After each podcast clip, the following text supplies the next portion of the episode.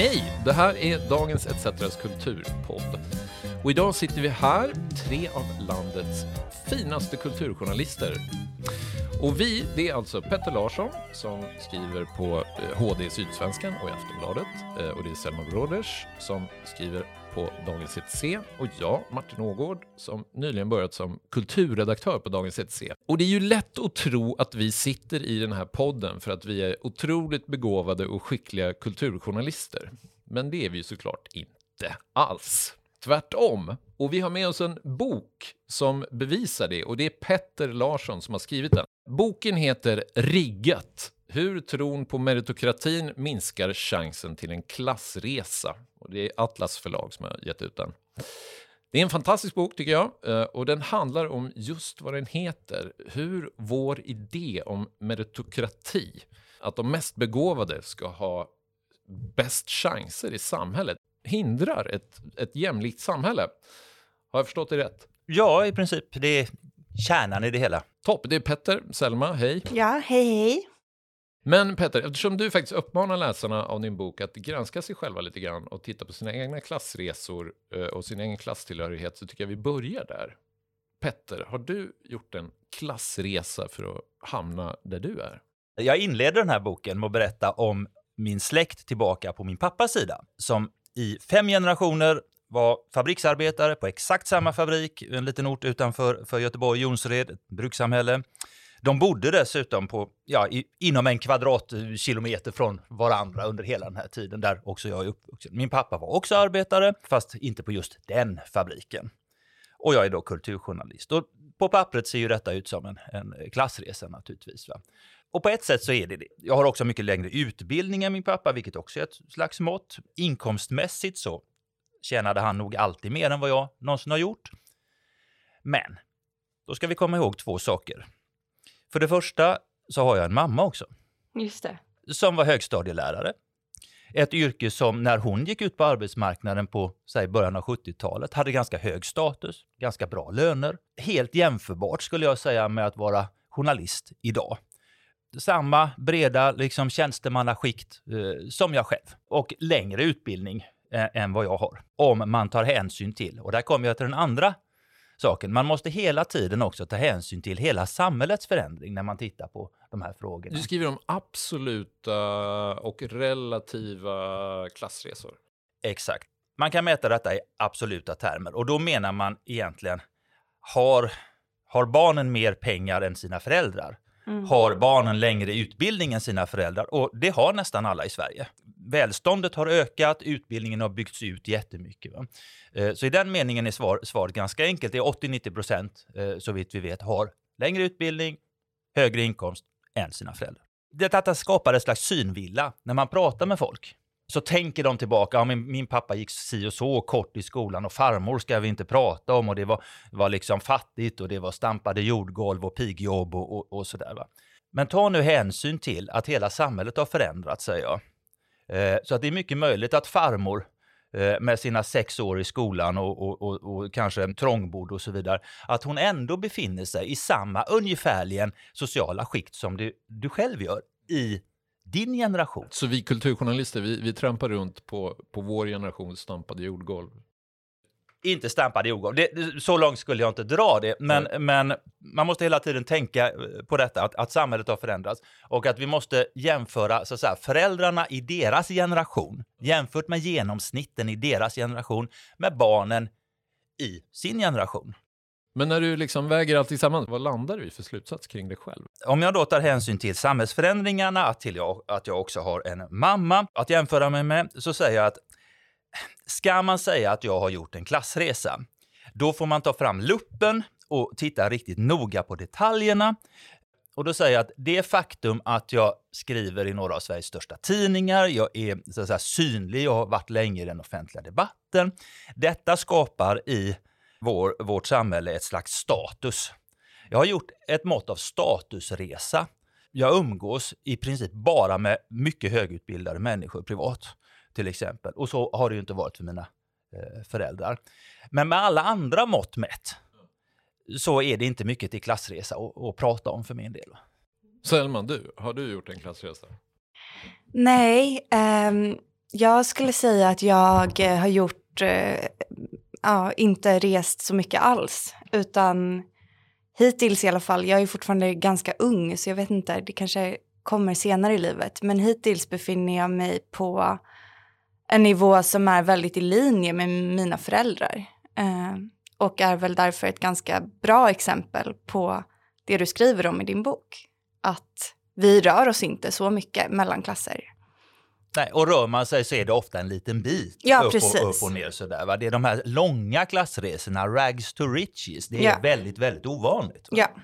Men Selma, du har ju skrivit om att du är en nepo-baby. Vad, vad är det och vad var det för debatt? Ja, det, det var en väldigt eh, märklig eh, eh, händelse där jag eh, vaknade eh, på en lördag morgon och eh, läste Dagens Nyheter och såg att eh, en journalist hade skrivit om mig och eh, att jag då skulle vara ett exempel på ett kulturbarn. Eh, vilket jag är. Så, så långt var allt rätt. Men problemet var också då att hon hade skrivit att min mamma var en kulturjournalist som inte alls är min mamma, utan tvärtom en ganska avlägsen släkting till mig. Gunilla Bråders på Expressen. Exakt. Exakt. Och den här journalisten hade liksom skrivit till mig och bad jättemycket om ursäkt och hade ja, men väldigt dåligt samvete för det här, vilket jag tolkade som att hon ja, men liksom gav mig, eh, eller liksom framställde det som att jag hade glidit på en räkmacka, vilket hon trodde att jag inte hade gjort eftersom Gunilla Brodres inte är min mamma. Men i och med att jag ändå kommer från en familj med författare, journalister, ja, men så här, ganska högt kulturellt kapital. Ni hade en uppsättning silverskedar trots allt. Ja. Ja, vi hade det. Det var bara fel, eh, Fel silversked. fel silversked. Så kände jag att jag behövde liksom skriva ett svar där jag eh, förklarade det här och förklarade att jag, Gunilla är inte min mamma, men jag är ändå ett kulturbarn. Ska säga att det där är ju lite intressant för att om man går vidare som du börjar prata om nu, att man tittar på den bredare släkten. Mm. Eh, att mäta föräldrar och barn, det är en sak. Ja. Då får man fram ett typ av samband då, så att säga. Eh, vi liknar våra föräldrar på, på olika sätt. Men börjar man väga in och titta, ja men vad gör farmor och, och mor, mormor och farfar och, och inte minst eh, föräldrarnas syskon, föräldrarnas kusiner och så vidare. Va? Man väger in mer släkt. Då förstärks de här släktsambanden med barnen jättemycket. Man är liksom ett resultat inte bara av mor och far utan av en hel släkt. Mellan liksom föräldrar och barn då finns det en viss variation i status och inkomst. Men tittar man liksom brett så på släkten så stannar folk kvar inom samma skikt. I mycket högre utsträckning Mm. än om man bara mäter föräldrar och barn. Men nu måste vi prata om mig såklart. Eh, Jag identifierar mig stenhårt som medelklass och jag är precis som eh, Petter på ett lärarbarn. Mina föräldrar gjorde en, den stora klassresan i släkten. Kom från arbetarklass, till och med någon sorts jägare och samlarsamhälle i Norge på pappas sida. Men det är en annan historia. De var småbönder, var fattiga småbönder på, på fjället. Liksom. Eh, försörjde sig lite på ditt och datt. Det är svårt att prata om arbetarklass i liksom, samhällen som inte har varit industrialiserade på det sättet. Men mammas sida, stenhård arbetarklass. Båda fick möjlighet till utbildning. Och eh, som sagt, min pappa blev lärare i slutändan. Och Björn Wiman, som nu är kulturchef på, på Dagens Nyheter, hade en gång i tiden, han gick runt och liksom undersökte lite så här informellt bland kulturjournalister vad de hade för bakgrund. För hans teori var att lärarbarn är de absolut flesta kulturjournalisterna. Och här sitter vi i rummet, vi är två lite seniora kulturjournalister som båda är lärarbarn. Vi har en lite yngre, junior kanske jag ska kalla det, men men yngre kulturjournalist som inte är det. Men jag är det också. Ja, du är det också! Ja, alltså min pappa är lärare. All right. Okej, du Eh, föll min tes. Så ja. Min tes var då att det kanske helt enkelt har blivit svårare att ta sig in i yrket, om vi nu pratar om vårt eget yrke. På ett sätt har det nog blivit det. Eh, och jag ska säga att det startar egentligen redan på 60-talet när man formaliserar utbildningarna. Eh, Mm. Man skapar journalisthögskolorna, man skapar i den meningen en, en fastare profession. Mm. Och sen kommer då, säg från 70-80-talet och framåt, så stiger dessutom eh, journalistyrkets status. Det blir väldigt, väldigt svårt att komma in på de här utbildningarna. Det finns ett antal folkhögskolor och sådär med, med, med god utbildning som, som man kan gå. Men ska man gå liksom universitetets då, eh, som det nu för tiden är, journalisthögskolor, så är det väldigt svårt att komma, komma dit. Va? Så såg det inte ut i journalistkåren tidigare. Utan där kunde man börja skriva helt enkelt. Man, man var intresserad av någonting och så kunde man bara prova sig fram och så. Eh, det var folk från mycket, mycket bredare skikt i samhället. Nu är det väldigt ofta väldigt duktiga studenter, de som har klarat sig bra i skolan, de blir journalister. Eh, och vad jag tycker mig notera är dessutom att det är inte bara så att man ska ha gått en journalistutbildning, man ska ju helst ha en utbildning till. Mm. En fil. kand. i någonting annat. Eh, och det skapar ju en otroligt på pappret liksom på något sätt kompetent journalistkår, men också en journalistkår som jag tror inte får utlopp för allt de kan egentligen. Liksom. Nej. Det här är ändå ett yrke och ett hantverksyrke eh, där man inte faktiskt nödvändigtvis måste ha eh, all den här utbildningen. Liksom. Vilka är de mest ärftliga yrkena? Jag har en liten lista på det. Det där är svårt att reda ut för det finns inte så mycket undersökningar, men det är några specialiserade yrken. Du tog upp jägare, samlare eh, och det ligger någonting i det vill jag minnas. Alltså det är ett av de här topp fem-yrkena. Eh, jägare och fiskare och så. Va? Och det är en väldigt speciell livsstil förmodligen, som man så att säga ärver och, och en, ett sätt att, att uh, arbeta och vara, som man är van vid. Jag ser framför mig någon så här bohuslänska öar, som man, ja, liksom, man ja. tar sig aldrig därifrån, man ärver farsans fiskebåt. Ja, liksom. det kan man tänka sig. Uh, och man ärver livsstilen, hur man gör detta, va? yrkeskunskaperna faktiskt rent praktiskt också kanske. Men sen är det en del breda yrken som liksom är lite hopklumpade i den här statistiken, typ städare och liknande. Mm. Och vårdpersonal har de lagt ihop. Det är ju, det är ju då två yrkeskategorier eller branscher som eh, så att säga, attraherar väldigt många människor, men som också går i arv. Men i vårdpersonal, räknar man in läkare? Nej, jag tror inte det eh, i det här fallet. Utan det, och knappast ens kanske sjuksköterska. Jag, inte, jag är lite oklar över den statistiken. Men det känns som att det borde vara vissa av de här eh, alltså, höginkomstyrkena som också borde vara väldigt eh, ärftliga, ja, eller? det är de. Alltså i, så här, så här, bolagschefer, typ. Absolut. Eh, men där ska jag säga att i, i snitt ungefär så är det väl ungefär ah, var tionde svensk har samma yrke som någon, exakt samma yrke som någon av sina föräldrar. Va? Eh, men det ser då olika ut i, i, olika yrken. Men om man vänder på den där statistiken, och det är då det blir intressant att titta på överrepresentation. Om vi tar läkare mm. Eh, då till exempel, va? så är, nu kommer jag inte ihåg siffrorna, men en försvinnande liten andel av befolkningen är ju läkare. Däremot så, av de läkare vi har, så är en helt oproportionerligt stor andel läkarbarn. Men det är ju inte så att de dominerar läkarkåren. Förstår ni vad jag menar? Just det. Eh, mm. så att vill man titta på det ska man prata om överrepresentationer. Ja. Eh, och där kan man se till exempel läkare, man kan se ingenjörer, eh, jurister, eh, doktorander naturligtvis och sådär. Högstatusyrken, bra betalt och, och så. Där, där överrepresentationen är jättestark. Mm. Kanske och även... direktörer naturligtvis. Eller hur? Ja. Men och även kulturjournalister, upplever jag.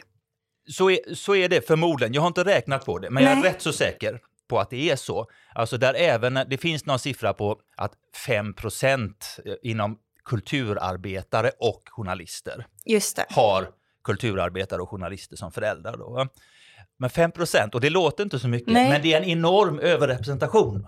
Jämfört med andra yrken? Ja, jämfört med befolkningen. Ja. Bara anekdotisk evidens eh, i mina liksom, kompiskretsar där många jobbar med kultur är alltså i princip 100 procent mm. har föräldrar som också gör det.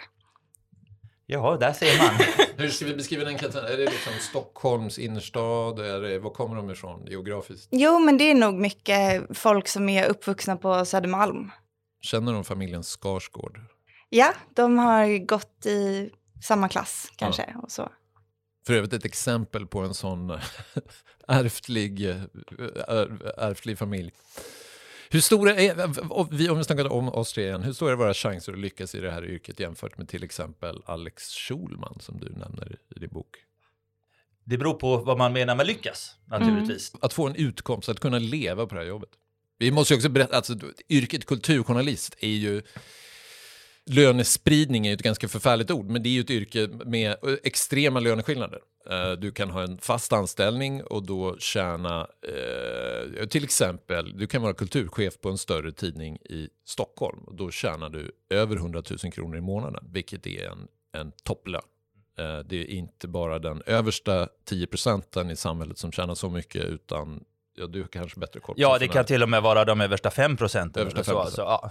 Det är en, och eh, i botten då har du någon sorts proletariat av eh, frilansare som kämpar med att sälja artiklar för tusenlappar till olika mindre. Ja, tidskrifter. ja fast jag har ju varit kulturfrilans nu i 20 års tid, mer än så. Och ligger väl någonstans 25-30 000 i månaden Mm. eh, före skatt. Mm. Eh, det går att leva på, men det är inte fett. Nej. Så hur stor är chansen? Alltså det är klart att det spelar roll. Eh, nu ska man säga att fasta anställningar spelar jättestor roll naturligtvis. Såklart. och det finns också stor skillnader, stora skillnader mellan olika frilansar. Men alldeles uppenbart så har man det väl förspänt från början. Och då ska man komma ihåg en sak. Det här är liksom inte bara någon slags korruption eh, och nepotism på det sättet. Eh, de här människorna med föräldrar som kan yrkena, som kan ordna praktikplatser och tjänster och man är ett namn och så vidare. Va? De är ju ofta duktiga. Det är inte så att det är på det sättet är oförtjänt. Men att de är duktiga, de kan skriva, Alex Schulman är duktig skribent liksom. Det beror ju på att de kommer ur en miljö där detta har premierats på ett självklart sätt. Mm. Men eh, vad jag försöker närma mig är ju liksom en av bokens kärnfrågor. Har det blivit svårare att göra klassresor? Mitt svar på det är förmodligen, och det beror på vilka epoker du jämför. Ehm, Vilket underbart ja. Ja. forskarsvar. Ja, verkligen. Problemet med, när man gör den här typen av undersökningar är att forskningen alltid ligger flera decennier efter verkligheten. Eh, först måste man mäta föräldrarna, kanske när de är 40-50 år, Mm. och sen får man vänta tills barnen är 40-50 år, när man kan mäta dem. Va? Och så kan man jämföra. Och det gör det ju svårt att fånga upp samhällsförändringar snabbt. Va? Det finns en stor undersökning på de födda 1955 till 80. Och för de här så att säga, ehm, för den här tiden så har egentligen ingenting hänt. Den sociala rörligheten stod still. Små variationer upp och ner och lite olika för kvinnor och män och så. Men den stora bilden är ingenting hände mellan 1955 och 1980. Nu har vi, i teorin, ska jag säga, så borde det finnas saker här som gör en klassresa svårare för de generationer som har vuxit upp sedan dess och som växer upp idag. Och det ena är en dramatiskt ökad ojämlikhet. Eh, och det säger forskningen att alltså, mer ojämlika samhällen gör det svårare att göra en klassresa. Det är det ena. Det andra är marknadsskolan. Där jag tror att de fria skolvalen, eh, där man tvingas välja också i ganska unga år inriktning och, och sådär. Det fungerar förmodligen också i, i samma riktning. Alltså en gemensam skola och ett jämlikt samhälle, det gynnar den sociala rörligheten. Men vi har ännu inte sett några tydliga utfall, för det har inte mätts, det har inte gått tillräckligt lång tid. Vi har inte sett vad som händer med barnen som har gått hela sina eh, liv genom den här, den här marknadsskolan. När liksom ökad ojämlikhet gör det svårare att göra en klassresa, så de senaste 30 åren har vi ju faktiskt fått en ny samhällsklass, alltså de superrika. De som oftast eh, baserar sin rikedom på, på techbolag som har liksom sprungit upp de här 20 åren, som har enorma förmögenheter, eh, rena fantasisummor, och som är naturligtvis omöjligt för nästan alla att uppnå sån rikedom. Är det en av förklaringen till att det, att det finns ett sånt superelitskikt av förmögna människor nu? Det, det blir svårare att mäta. Liksom. Ja, alltså det ska man säga. Mycket av den här forskningen är lite lurig på så vis att ofta så pratar man om de rikaste 20 procenten. Och det är ju en väldigt skild grupp. Alltså det är ju skillnaden mellan en, en Wallenbergare och din husläkare. Båda de här ingår i de 20 procenten rika. Liksom. Mm. Eh, med, medan husläkaren har en bra lön men nästan ingen förmögenhet förmodligen och så, så finns det ju en, en, just en superelit på 1% eller 5% eller så beroende på som är fruktansvärt rika. Och där också den eh, sociala rörligheten är väldigt, väldigt låg. De här människorna ärver eh, sina föräldrars inkomster eh, i mycket hög utsträckning och det är en ren det är inte bara att de är uppfostrade, de går rätt program, de går rätt skola och utbildningar, utan det är väldigt konkret, de ärver pengar. Eh, och så håller de sig kvar eh, bland de rikaste. Va? Tittar man på den rikaste promillen i Sverige, det finns ett fåtal som har undersökningar om detta. De som har föräldrar i den rikaste promillen. De har 7300 procents överrepresentation om man säger så.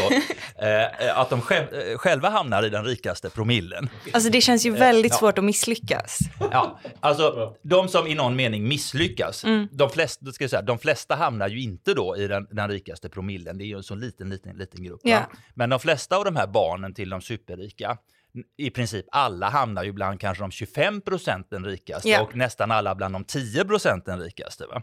Så det är eh, väldigt svårt att, att falla någon längre bit från, från äppelträdet. Va?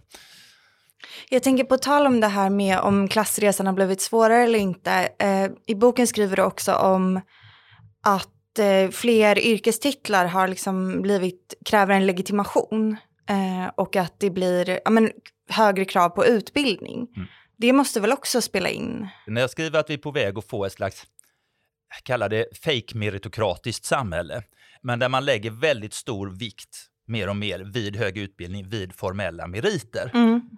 Jag är rädd att det, i motsats till vad man eh, vill uppnå med det, mm. faktiskt innebär att den eh, sociala rörligheten kan minska. Man låser, om du tar detta med legitimationer, så låser man in och monopoliserar en viss typ av yrken, en viss typ av kunskap som man bara kan nå via precis rätt utbildningar. Va? Oavsett vilka, vilka praktiska kunskaper eller vilka andra vägar man kan ha kommit dit. Va? Jag vet, det har ju funnits sådana eh, idiotdiskussioner även i Journalistförbundet, att man borde liksom låsa yrket, man ska utfärda legitimationer det har dessbättre stoppats av, med demokratiska argument. Alltså, Ett vem... sånt klassiskt skråtänkande. Ja, du ska liksom bli invald i ditt yrke vid någon punkt. Liksom. Exakt, man, man låser och monopoliserar den här kunskapen. Va? Dessbättre har ju det där stoppats ganska snabbt eh, på så vis att man har sagt, nej men herregud, vem, vem som helst måste ändå kunna agera som en journalist. Liksom. Det, det är en demokratifråga. Va? Jag ser det som ett uttryck för de här mm, explosionen av legitimationsyrken och, och skyddade yrkestitlar och sådär ser jag just som ett exempel på hur ett slags meritokratisk eh, anda eh, byggs in i samhället. Eh, där man ska ha precis rätt meriter, precis rätt utbildning och den ska vara hög. En av de stora förändringarna i vår tid är ju just utbyggnaden av den högre utbildningen. Och man pratar väldigt mycket om detta. Detta är nyckeln till framgång, det är för individen. Eh, så du måste skaffa dig en utbildning, då, då kan, hör du liksom på något sätt framtiden till och kan få ett bra jobb och hög lön och, och sådär. Men det är också nyckeln för samhället och vi måste ha en välutbildad befolkning. Så. Jo, för all del. Jag köper det i viss mån, såklart. Det är bra med utbildning.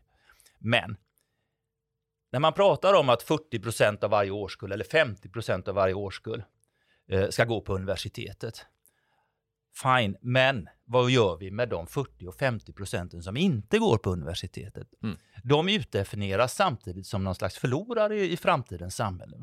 Eh, och där ser jag ett av de riktigt stora problemen. Mm. De tillhör inte den, liksom, den politiska retoriken, de tillhör inte framtidens folk, det är inte de man ska satsa på, trots att detta är en majoritet av befolkningen. Mm. Och, och den här övertron på utbildning, den hänger då ihop med, med tron på meritokrati, som ändå är liksom bokens huvudfråga. Det här är ett dåligt begrepp, tycker du. Varför?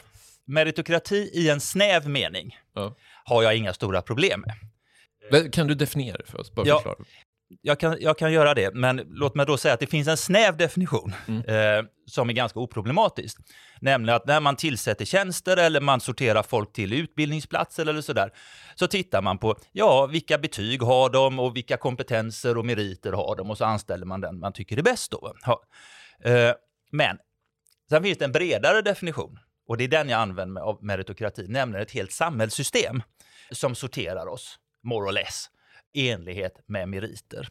Och det är min definition då, ett samhällssystem som rangordnar befolkningen och utdelar belöningar i form av status och pengar och, och, och så här prestige i enlighet med eh, dessa meriter. Detta leder till att, och det här är ett av de centrala problemen, att de som har lyckats, de som har hög lön, de som har fina poster och sådär, de tycker att de har förtjänat detta på ett speciellt sätt. Jag har ju meriterat mig.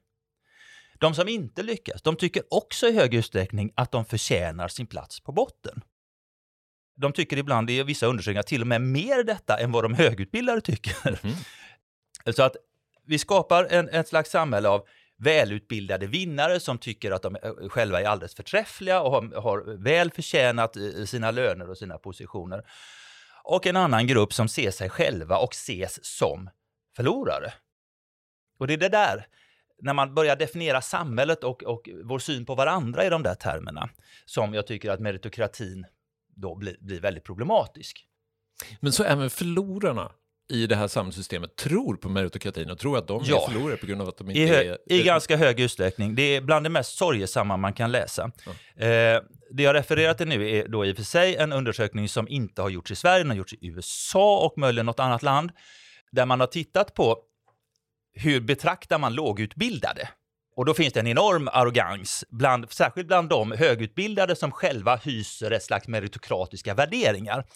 De tycker egentligen att både arbetare och svarta och fattiga och feta och naturligtvis då också lågutbildade, de förtjänar sina bottenpositioner. Men det riktigt hemska är att det tycker de lågutbildade att de själva gör också. Därför att de har köpt idén om meritokratin. Vi är inte värda mer. Va?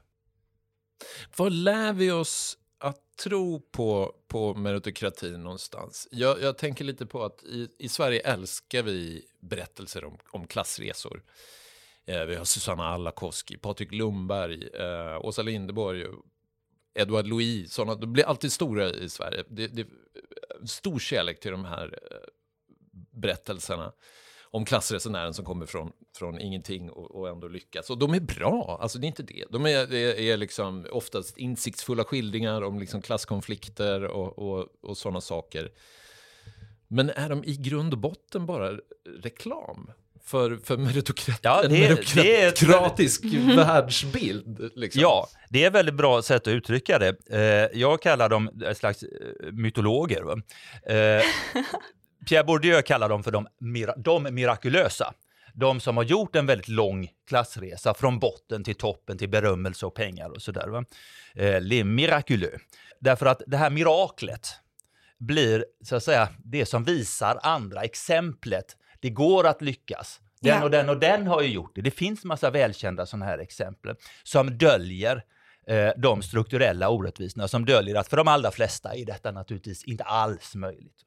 Så de fyller en viktig funktion i mytologiseringen av, av klassresan. Vilka är era favoritklassreseskildringar? Just nu är det Edouard Louis. Mm. Också därför att jag tycker han skriver så fruktansvärt eh, så att säga, hårt och alltså drivet. Först läste jag de här böckerna som rent hatiska någonstans mot, mot den arbetarklass han, han växte upp i. Va? Eh, men där, han kan heller inte lämna dem i fred. Va? Det är inte bara avsky som finns där och, och jag tycker att det mognar med bok efter bok. Eh, mm. Hur han ser nya perspektiv hos sin pappa och sin mamma och så vidare. Va? Mm. Och att lite granna ilskan också vänds bort från den här oerhört, liksom, för honom destruktiva miljön. Eh, också mot de politiska eh, strukturer som, som har skapat den här eh, miljön. Eh, jag lyssnade på honom på, eh, i, i Louisiana i somras. Mm. När han var och framförde. Och han, där, där, sa han någonting i stil med att jag är så fruktansvärt trött på idén om individuellt ansvar och personligt ansvar. Mm. Och det där är också intressant. Det nämner lite det detta handlar om också.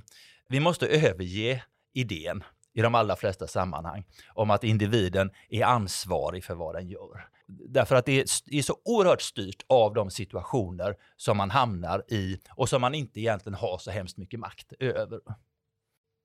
Har du någon favoritklassresenär, Selma? Men jag, alltså jag har känt, just på tal om att de här berättelserna har blivit så populära och eh, hyllade, har jag börjat nästan känna lite aversion mot dem. Alltså jag tycker att det blir lite, kladd, lite sentimentalt eh, på ett sätt som inte riktigt tilltalar mig. Eh, berättelsen kommer ju alltid från en person som har gjort klassresan. Alltså en person som kan skriva en bok är ju inte samma person som tillhör arbetarklassen. Och det perspektivet tycker jag, jag kan inte komma ifrån att det är någonting i det som eh, gör mig lite illa till mods. Det är lite självförhärligande. Ja, alltså ganska mycket tycker jag. Det kan det absolut bli. Eh, och det ska jag säga när jag skrev min egen bok. Jag lurar ju läsarna lite där genom att först berätta om, lägga upp den här bilden av mina förfäder på fabriken och sen så undergräver jag den. Precis. Eh, just för att inte hamna i den här konstiga, falska eh, sentimentaliteten. Liksom. Ja. Alltså, jag, jag är en ganska tacksam måltavla för sånt här. Jag brukar gå igång på det oerhört mycket. Men å andra sidan tror jag faktiskt att min favoritklassreseskildring är Christian Lundbergs Jarden, därför att den handlar ju om en resa som går lite neråt. Ja. Mm. Uh, och det är så förtvivlat bra uh, berättat. Kanske så här i efterhand oklart vad, hur, hur rätt och riktigt det var, men det, det, är en roman så det spelar ingen roll. Nej. Men det finns ju också förfärliga, min absolut värsta form av klassreseskildringar. Det tror jag, om ni har sett den här filmen om Billy Elliot, handlar om en arbetarklasspojke från norra ja, England men jag minns väldigt som, lite. Ja. som ballettdansare. Mm. För då kommer också det här elementet av kulturen som liksom farkost för, för klassresan och liksom det, det, det, är ju liksom också ett kulturförhärligande som är, är direkt motbjudande. Men, och, och liksom den här tacksamheten som arbetarklassen visar gentemot eh, kulturlivet, att uh. de får vara en del av det. Det är, det är hemskt. Det, men, men, samtidigt, de är bedrägliga. Alltså. Det ja, är lätt det, att, att röras till tårar. Ja, liksom. vi, man rörs till tårar för vi vill att det ska vara sant någonstans. Ja. Vi vill att världen ska ligga öppen för oss och att, mm. att är man begåvad och, och, och arbetsam och sådär så ska man också kunna ta sig fram eh, i samhället. Behöver tycker... vi inte det hoppet? Jag menar, du, du, du har ja. skrivit en bok som gör den ganska dyster till sinnes. Ja, det gör det ganska dystert. Eh, jag håller med om det. Men där måste vi komma ihåg två saker. För det första är det alls inte omöjligt att göra en klassresa i Sverige. Eh, åtminstone, kanske inte till den yttersta toppen, det är väldigt få som gör. Men att röra sig från de fattigaste 20 procenten till de eh, rikaste 20 procenten, ja, men det gör en 10-15 procent i varje årskull, trots mm. allt. Eh, det kan hända. Men vad vi ska komma, jag tyckte det var jätteintressant när du sa det här med nedåtgående klassresa. För det är också väldigt viktigt. Vi pratar ofta om det som en uppåtgående klassresa. Men pratar man om social rörlighet så motsvaras så säga, varje uppåtgående klassresa motsvaras definitionsmässigt av en nedåtgående klassresa. Man kan inte bara ha det ena. Nej. Nej I en fast struktur med, med uppdelad i procent liksom. Eh, utan rörlighet innebär, innebär alltid både upp och ner. Just det.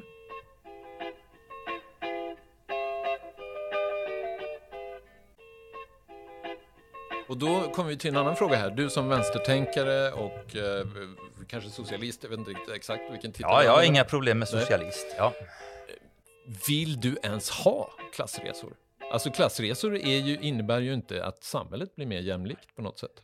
Ja, svarar jag ändå. Eh, om vi får definiera det som, vill jag ha social rörlighet? Ja, det vill jag.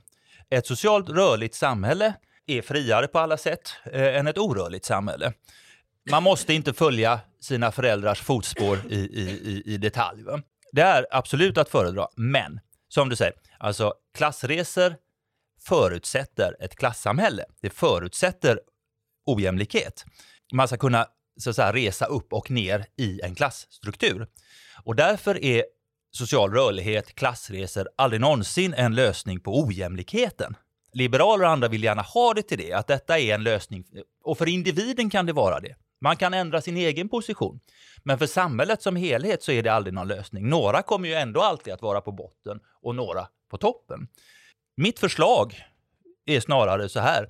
Vill man bekämpa klassamhället och ojämlikheten, då är social rörlighet inget bra vapen. Utan vill man göra någonting åt ojämlikheten, ja då ska man göra något åt ojämlikheten. Inte gå omvägen över någon falsk social rörlighet. Mitt förslag går egentligen ut på att vi måste på något sätt minska belöningarna. Jag har inget problem, ja, jag har inget problem att, att det finns eliter i samhället i någon mening som kan saker, som är specialiserade på saker av olika slag. Det kan vara akademiker, det kan vara finansmän och, och så vidare. Va? De är duktiga på det de gör, de är bäst kanske på det de gör. Och det tror jag inte man kommer runt.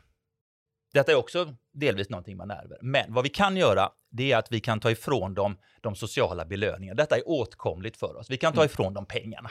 Mm. Eh, vi kan minska i alla fall eh, inkomstskillnaderna. Detta kommer så småningom att påverka också statusen i viss mån i samhället. Skulle man kunna platta till de här ekonomiska strukturerna, den ekonomiska hierarkin rejält. Eh, då skulle också en annan slags klassresor, vore kanske fel uttryck, men en social rörlighet. Eh, för det första skulle den antagligen öka. Vi vet att den ökar i mer jämlika samhällen. Men den skulle ske i sidled.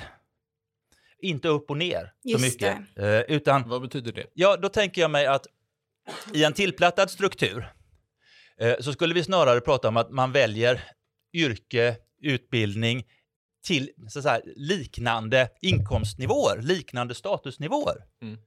Eftersom status och inkomstnivåer skulle likna varandra mycket mer.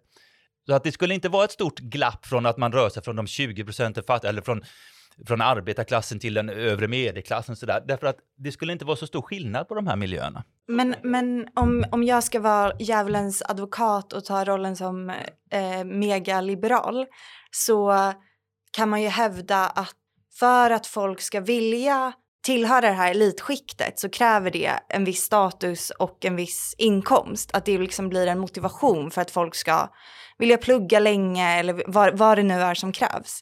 Tror du att folk fortfarande skulle dras till de yrkena? jag, jag har aldrig sett att det skulle vara några stora problem att rekrytera folk till högstatus, högbetalda, välbe, alltså fina yrken. Nej men om de Nej, inte men var det.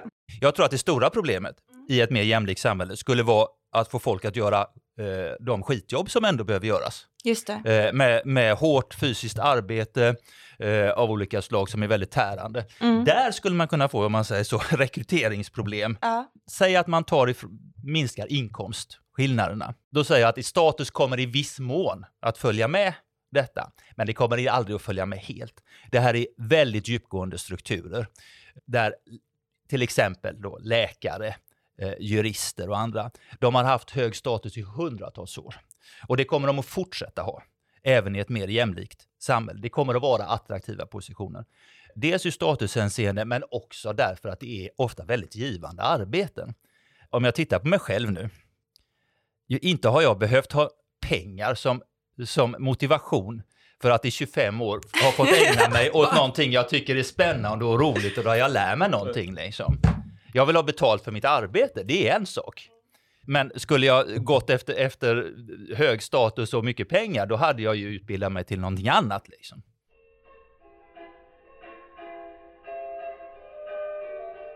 Vet ni vad ni har för IQ? Nej, Nej, Nej, inte jag heller. Ingen aning. Men tror ni att ni är intelligenta då? intelligentare än vem? Ja, en... eh, Än dig? Nej, exempel. Förmodligen, jag säga. Liksom. Ja. Den enda rimliga, rimliga gissningen, om man nu inte vet och har gjort massa tester, det är ju alltså att man ligger ungefär vid medel. Det gör nästan alla. Ja, poängen är ju då att liksom, tron på meritokrati får ju också en massa sidoeffekter. Till exempel våra idéer om vad som är intelligens, vad som är hög IQ. Hur ska vi liksom sortera fram de bäst lämpade? Eh, Du skriver i boken bland annat om hur eh, tester har blivit en viktig del av liksom det moderna arbetslivet som är väldigt genomsyrat av tron på, på, på meritokrati. Mm.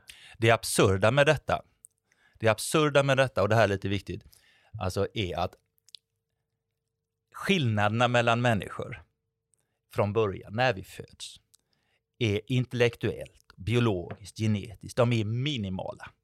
Vi liknar varandra i mycket hög utsträckning. Mm. Jag skulle tippa att eh, här, 90% av befolkningen kan göra 90% av jobben i det svenska samhället om man får rätt utbildning och rätt skolning för det. Och så där. Alltså skillnaderna är minimala mellan oss. Men de små skillnader som finns, de vill man åt, de är extremt liksom fixerade vid att mäta upp dessa små skillnader i tron att det eh, skulle ge något slags avgörande utslag för produktivitet eller någonting annat. Va? Och vad jag vill säga är att de små skillnaderna som finns mellan oss är ju någonting helt annat än den dramatiska ojämlikhet som den sociala strukturen skapar. Människor med mycket små skillnader mellan sig får dramatiskt olika livsvillkor och det beror på att vi kommer in i en ekonomisk och social struktur som sorterar oss på det viset. Och där är de här testerna ett extremt exempel på det. Där ett mer, mer och mer minutiöst mätande av i princip obefintliga olikheter så att säga, nu ges stor, stor vikt. Jag tänkt på det med, alltså det går ju allt bättre för flickor i skolan. Mm. Eh, och det kanske, alltså rent då biologiskt, finns en liten medfödd fördel. Tror jag inte. Nej, men till exempel att kvinnor mognar lite snabbare än män kan ju ändå ge en fördel i skolan. Det skulle det kunna göra, men det, ja, det stora är naturligtvis den sociala strukturen. Såklart. Därför att går du tillbaka i historien så hade män under årtionden och århundraden ett stort eh, försteg framför kvinnor. Exakt. Jag tror att det är någonting i den sociala strukturen eh, snarare än, än biologin Mm. som idag gynnar flickor i skolan. Tror du att det gör det enklare för kvinnor att göra en klassresa? Eh, det, nu, finns, Idag. nu finns det ju mått på det. Ja, det gör det. Nej, i, idag, idag är återigen svårt att säga, men om vi tittar på den här stora undersökningen som gäller de födda 50, 50, 80, Mm. så har klassamhället cementerats för kvinnor i toppen. Det betyder att det är, har blivit lite svårare för en kvinna som kommer ur de högsta, säg 20 procenten av befolkningen med längst utbildning och högst inkomst. Hon stannar oftare kvar där. Det har blivit, om jag minns statistiken rätt nu, generellt sett lite lättare för kvinnor under den här perioden att göra en klassresa uppåt. Eh, men det är mycket små skillnader eh, Okej. mot, mot männen. Va? För de födda under 70 eh, fram till, fram till 1980, de sista eh, så att säga, kohorterna man, man mäter, där ligger kvinnor och män i princip lika. Liksom. Du skriver om klister i taket och klister i botten. Mm. Det betyder att eh, de där uppe, de sitter fast och de där nere, de sitter fast. Ja, det är svårare. Alltså det är alltid, alltid svårt när man tittar på genomsnitt i en befolkning kan ju vara väldigt lurigt, eh, ett lurigt begrepp. Man tittar, eh, för att detta kan, chansen till en klassresa kan skilja sig i olika skikt. Som du tar upp, det kan skilja sig mellan könen, eh, men det kan också skilja sig var i klassstrukturen man är född. Och då visar det sig att det är svårare för dem som föds bland de Eh, 20 procenten fattigaste att göra en klassresa eh, som ju då per definition måste gå uppåt. De finns ju ingenstans att ta vägen neråt för dem. Men det riktigt stora problemet man säger, är att det är otroligt klistriga tak. De som föds bland de rikaste, de stannar i mycket hög utsträckning kvar där. Att däremot röra sig, sig mellan de 30 procenten fattigaste till de 60-70 procenten rikaste, det är relativt okomplicerat Mm. polisdottern kan bli gymnasielärare eller eller sådär. Det, det är inga konstigheter. Och det är egentligen det jag menar när jag, när jag pratar om det här med sidled. Det här är nästan sidledsförflyttningar. Inkomstskillnaderna, utbildningsskillnaderna är inte jättestora mellan de här människorna. Liksom. Utan det är i botten och, och framförallt i toppen som klassamhällets grepp är som hårdast om oss. Jag kan bli lite rörd över de som tror på demokrati, eller demokrati, jag kan bli lite rörd över de som tror på mer, mer, meritokratin väldigt hårt. De återfinns ju oftast på högerkanten, de, de inte sällan är de hängivna liberaler som tror att individen är alltings mått och liksom, man är sin egen lyckas smed, de är ofta nyliberala till och med. Och de har fått jobb på någon, någon tankesmedja eh, på högerkanten och är uppfyllda av sin egen framgång. Och det är som att den här tron erbjuder en hel del, kanske inte jätteintressanta tänkare, en tro på att de faktiskt kan någonting och att de är värda någonting. Och ibland kan jag känna att det är nästan lite taskigt att liksom spräcka den här bubblan för dem. Utan jag kan känna, ja, men låt dem tro nu att, att det är de bäst lämpade. Ja, det är ju det är ju en självsmakande ideologi, en självbekräftande ideologisk föreställning naturligtvis för dem det går bra för. Det är ideologiska föreställningar som är som klippt och skurna för de som föds i eliterna. Men är det så att för alla som det går bra för, de, de blir meritokrater? Nej, inte riktigt naturligtvis. va. Eh, men, men det är nog lätt hänt. Det finns en stark överrepresentation bland de rika och också bland de som själva har gjort, faktiskt har gjort en klassresa. Såklart. De kan peka på sig själva och så kan de säga men det gick ju bra för mig. Ja. Eh, då går det väl för en massa andra människor också. Liksom. Eller så tittar de på sina barn. Jag är minsann en arbetare eh, och, och så, men titta på mitt barn här. Eh, har det gått så bra för han har gjort en klassresa. Och, sådär. och det, det är där en del av problematiken kommer in skulle jag säga. Alltså, en central tes i boken är ju det här att tron på meritokratin, det faktum att uppemot kanske två tredjedelar i vissa utfrågningar i Sverige eh, tror i princip att systemet är rättvist, att klassresor är relativt enkla, att de som tjänar väldigt mycket pengar, de rika, de, har gjort, de gör det därför att de har, har arbetat hårt och de är, är begåvade. Den här tilltron, den växer precis samtidigt. Vi kan se att den ökar i hela västvärlden. precis under samma period de senaste 30 åren som de faktiska klassklyftorna djupnar. Så detta går hand i hand. Människor tror att systemet är någorlunda rättvist. Och därför accepterar man också en ökande ojämlikhet. Det riktigt paradoxala i det eh, är ju naturligtvis att den här ökade ojämlikheten i sin tur, som myten om meritokratin får oss att acceptera, den slår sönder den sociala rörligheten. Den kommer att minska den sociala rörligheten. Myten om meritokratin undergräver faktiskt den, den, sociala rörligheten själv bygger på. Svenskar tror uppenbarligen på meritokrati i större utsträckning än andra länder? Nej, det, det gör man inte egentligen. Eh, det, det här har du hämtat ja, ur ja, din bok. Ja, nej, men det, nej, det, det, tror jag faktiskt inte jag skriver. Svenskar tror på meritokratin i ganska, ganska så lik utsträckning som i många andra västeuropeiska länder.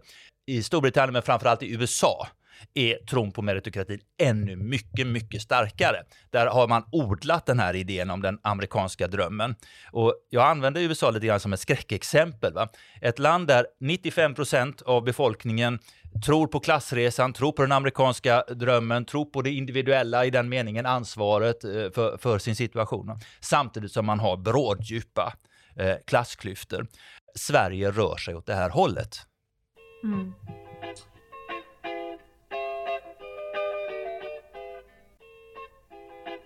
Det här är en bok som faktiskt ovanligt nog har några förslag på lösningar. Många sådana här böcker brukar ofta bara problematisera jättemycket och så lämnar den läsaren helt förtvivlad. Men i slutet så kommer du med några, några små förslag. Några eh, hopkok, Jag, Jag kände det, jag hade kunnat stoppa innan sista kapitlet. Men jag har blivit så frustrerad så många gånger av människor som bara eh, lämnar oss i, i, i en analys och, och, och, inte föreslår någonting, någonting alls. Va? Jag har egentligen tre angreppsfronter som jag lanserar.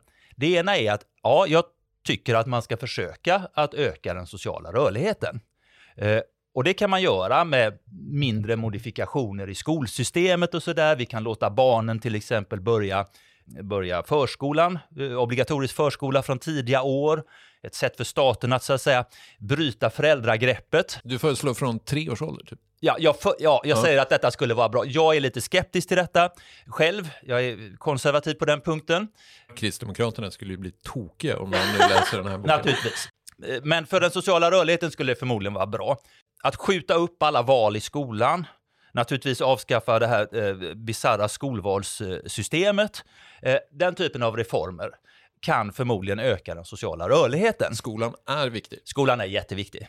Därför att det är i skolan man också kan bryta föräldraarvet. Och ju senare barnen väljer inriktningar och program och får betyg och så vidare, ju lättare väger trots allt det sociala arvet, va? även om det inte går att ta bort det helt. Jag tror jättemycket på det här, jag tycker det låter briljant.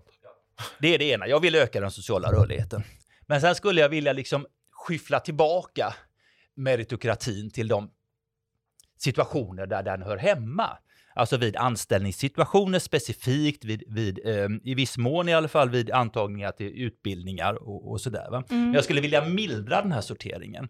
Jag kan tänka mig till exempel Säg att vi har en attraktiv utbildning till något fint yrke och så har den massor av sökande så alla kan inte tas in och så måste man ha ett urval här. Jag kan tänka mig att man då till exempel gör så att man tittar på vilka har eh, har rätt kvalifikationer för att överhuvudtaget få söka. Vilka har gått eh, rätt utbildningar från början? Vilka är meriterade i den meningen att, att kunna klara av utbildningen? Och sen lottar man mellan dem. Istället för att rangordna dem i min, minutiös rangordning på betygsnivå och sådär. Det skulle mildra den här tron på att man har kommit någonstans av egen kraft. Verkligen. Enbart, det, det biologiska, genetiska lotteriet och det sociala lotteriet som vi är utsatta för det skulle i någon mening kunna liksom uppvägas av ett faktiskt lotteri. Ja. Så det är den andra angreppsfronten. Mota tillbaka, mildra den här sorteringen så, så mycket man kan. Mm. Men i slutändan, naturligtvis, jag återkommer till detta, social rörlighet är inte en lösning på eh, ojämlikheten. Just det. Utan vad man måste göra är att försöka i så fall att beröva människor de olika villkor som vi döms till. Vi måste utjämna livsvillkoren eh, för människor. Då spelar det inte så stor roll att vi ärver så mycket. om läkare, alltså läkardottern kommer säkert oftare att bli läkare ändå än andra. Men om detta inte innebär en jättehög lön, att man, kan, eh, man får bättre hälsa, längre livslängd, man kan bo bättre och så vidare, åka på fina semestrar. Vi plockar bort den biten, de ekonomiska fördelarna, mm. eller minskar dem i alla fall. Va? Då spelar det sociala arvet mindre roll. Och det är ändå vad jag skulle kalla ett bättre samhälle. Uh, jag tycker det här är så spännande. Jag har jättemånga frågor. Uh, men, men finns, uh, alltså vilket land, vilket är det optimala landet att leva i där det liksom är mest social rörlighet? Danmark. Danmark. Okay. Ja, om man pratar om, om man har social rörlighet som, som det främsta måttet, uh. så är det de nordiska länderna, det är Kanada, Eh, och jag tror att toppen är, är då Danmark. Okay. Alla de nordiska länderna, övriga nordiska länderna har idag en lite högre social rörlighet än Sverige. Ja. Men är, va, va, varför Danmark? Är det här bara liksom en Malmöbos åsikt? Sitter och kollar över sundet tycker det är så himla Nej, bra. Är, Allt är ju dåligt såklart, i Danmark. Det är såklart inte en åsikt, utan, utan det, det finns mått på detta. Eh, det, skillnaderna är inte jättestora mellan de nordiska länderna, men, men Danmark ligger i topp när det gäller social rörlighet. Möjligen, jag vet inte, möjligen har det att göra med deras eh, man säga, Eh, de har en annan typ av yrkesutbildningar, lärlingssystem och sånt som mer liknar de tyska. Mm. Eh, och sådär. Jag vet inte precis vad det beror på, för att vi liknar ju Danmark i många andra avseenden. Eh, så det är en bra jämförelsepunkt. Liksom. Min åsikt om Danmark är att Danmark håller på att bygga en ny underklass genom sina stenhårda invandringslagar. Och eh, de håller på att skikta samhället på ett helt nytt sätt och skapa mm. en ny etni, etnisk underklass ja, i Danmark. Det håller vi också på att göra i Sverige. Eh, ja, det håller vi absolut ja. på att göra i Sverige, men Danmark går eh, lite före oss. Ja, jag kan tänka mig Naturligtvis. Och det, det är verkligen eh, mycket sannolikt att den sociala rörligheten både i Sverige och i Danmark kommer att minska dramatiskt när man mäter de nya generationerna. Mm. Mm. Generellt är det annars så, om man tittar tillbaka i historien i Sverige, att eh, utrikesfödda har en mycket större rörlighet än svenskfödda. De slits i någon mening, tänker jag mig, ur sitt sociala sammanhang, ur sina släktband i hemländerna, placeras i en ny miljö där lite mer kan hända, både ja. uppåt och neråt. Min eh, pappa är eh, politisk flykting från Kurdistan och han utbildade sig till lärare. Han kom till Sverige 80, ja, 1980. Och eh, hans, eller min farfar var ju fåraherde och min farmor var hemmafru. Liksom. Så han har ju definitivt gjort den sociala, liksom uppåtstigande klassresan. Mm. Eh, en ganska markant sån. Men det var också en annan tid där typ integrationen i Sverige funkade mycket bättre. Jag tror att även den klassresan är mycket svårare att göra idag. Mm. Sen om man tittar på, på ut, utrikesfödda eh, generellt, och så man kan ju ändå titta på nya generationer, hur det går för dem i skolan och sådär, vilket mm. är ett bra mått. Och då visar det sig, kan man säga, att framförallt nyanlända har väldigt svårt, de som kommer i femte, sjätte, sjunde klass någonting, de har väldigt, väldigt svårt att ta sig in på gymnasiet. Yeah. Framför allt om de har lågutbildade föräldrar. Det som slår igenom är hela tiden föräldrars utbildningsnivå. Mm. Det är helt centralt. Nu har vi också skapat ett nytt regelverk i Sverige som gör det fruktansvärt svårt att ta sig in i samhället på alla möjliga sätt. Det är svårt att ens få ett jobb om du kommer hit som, som flykting. Men det är, en, det är en väldigt intressant fråga. Hur lätt är det att ta med sig sin klassbakgrund när du migrerar in i det nya landet? Om du kommer som läkare från Iran, hur stora är chanserna att dina barn hamnar inom samma samhällsklass som du själv? Mm. Finns det siffror på det? Eh, har ni erfarenheter av det här? Historiskt finns det siffror. Eh, återigen, för de födda fram till 1980. Eh, att rörligheten både uppåt och neråt är större för eh, utrikesfödda. Eh, vilket betyder som svar på din fråga att chansen att man skulle hamna i precis samma klass som, som ens föräldrar är alltså mindre än för svenskfödda. Men med det sagt så är det väldigt viktigt, alltså den här gruppen invandrare förändras ju hela tiden. Mm. Och kommer man med högutbildade föräldrar, då har man ändå väldigt goda möjligheter. Vi kan se det i övergången från gymnasiet sen till universitetet att där finns det ingen skillnad. Om något finns det en överrepresentation av utrikesfödda och framförallt utrikesfödda flickor som snabbt efter gymnasiet i alla fall eh, går in på högskolan. Just det. Eh, så att den direkta utslag, eller det, det är tydligt eh, att invandrare har mycket stora problem, det är nog då i övergången från högstadium till gymnasium och det gäller då framför allt de som har kommit sent och det är absolut inget konstigt. De klarar inte svenskan i hög utsträckning. Men du Petter, du föreslår ju också att man ska dela ut en miljon kronor till alla svenskar på 25-årsdagen och införa ganska hård eh, arvsskatt. Ja. Är inte det nyckeln till alltihopa? Och kan man inte ärva några pengar, då försvinner ju hela, hela systemet. Man, man ärver så mycket annat än pengar, ska väl sägas. Man mm. ärver ambitioner och intressen, drivkrafter, vad som är naturligt för en och så vidare. Men om man kunde ta en rejäl arvsskatt, vi kan till och med för sakens skull säga att man avskaffar arvsrätten. 100% arvsskatt? Ja, 100% på höga arv i alla fall. Jag tänker att det får vara en, en, någon slags skala i detta. Skulle man införa en 40-50% i arvsskatt i snitt i Sverige, då skulle de rika fortfarande ha jättemycket pengar som de ärvde kvar, även om man tog hälften. Och vi skulle kunna dela ut då en miljon eller så till varje 25-åring. Vi skulle alla bli arvtagare. Det vore en fantastisk utjämning, framförallt inte bara för i, i sak att man får en massa pengar, utan också för att en massa människor skulle plötsligt inte vara tvingade att ta de allra sämsta jobben. Det skulle så säga, öka löntagarkollektivets förhandlingskraft. Mm. Vi skulle bli av med de sämsta jobben för ingen skulle vara tvingad att ta dem. Det är en underbar, utopisk tanke. Jag har snott den från eh, Piketty. Det är Piketty som har lanserat hela den med 25-åringen också. Hörni, det börjar bli dags att runda av. Uh, den här boken är riggat, som vi har pratat om, hur tron på meritokratin minskar chansen till en klassresa. Den är egentligen bara en investering i din egen klassresa, skriver du också på slutet. I viss mån är det så. Du har bara skrivit en bok för ja. att, bli, bli lite mer känd och få högre status. Ja, och kanske få eh, något kulturpris och lite sånt där.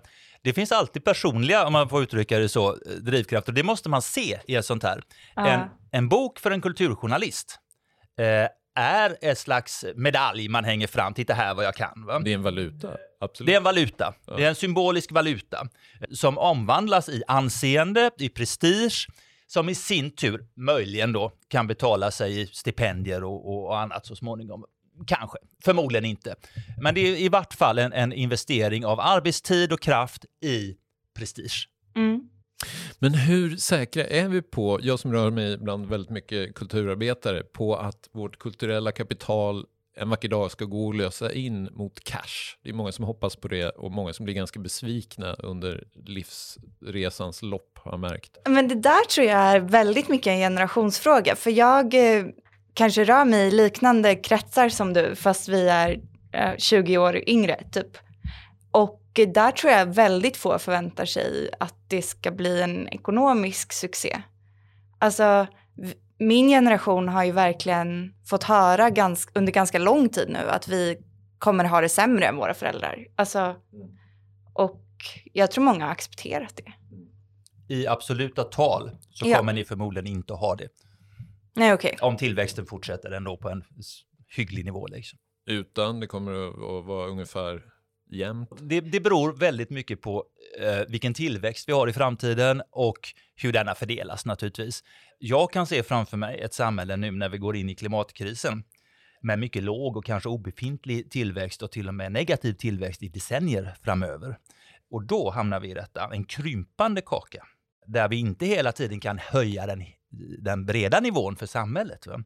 Då hamnar vi i en situation där föräldrarna också, eller där barnen också i absoluta tal kommer att få det sämre än sina föräldrar. Och on that happy note så rundar vi av eh, dagens ETCs kulturpodd. Tack Petter Larsson, tack Selma Broders och tack mig själv. Martin ja, tack. Mm. Tack för att vi fick komma hit.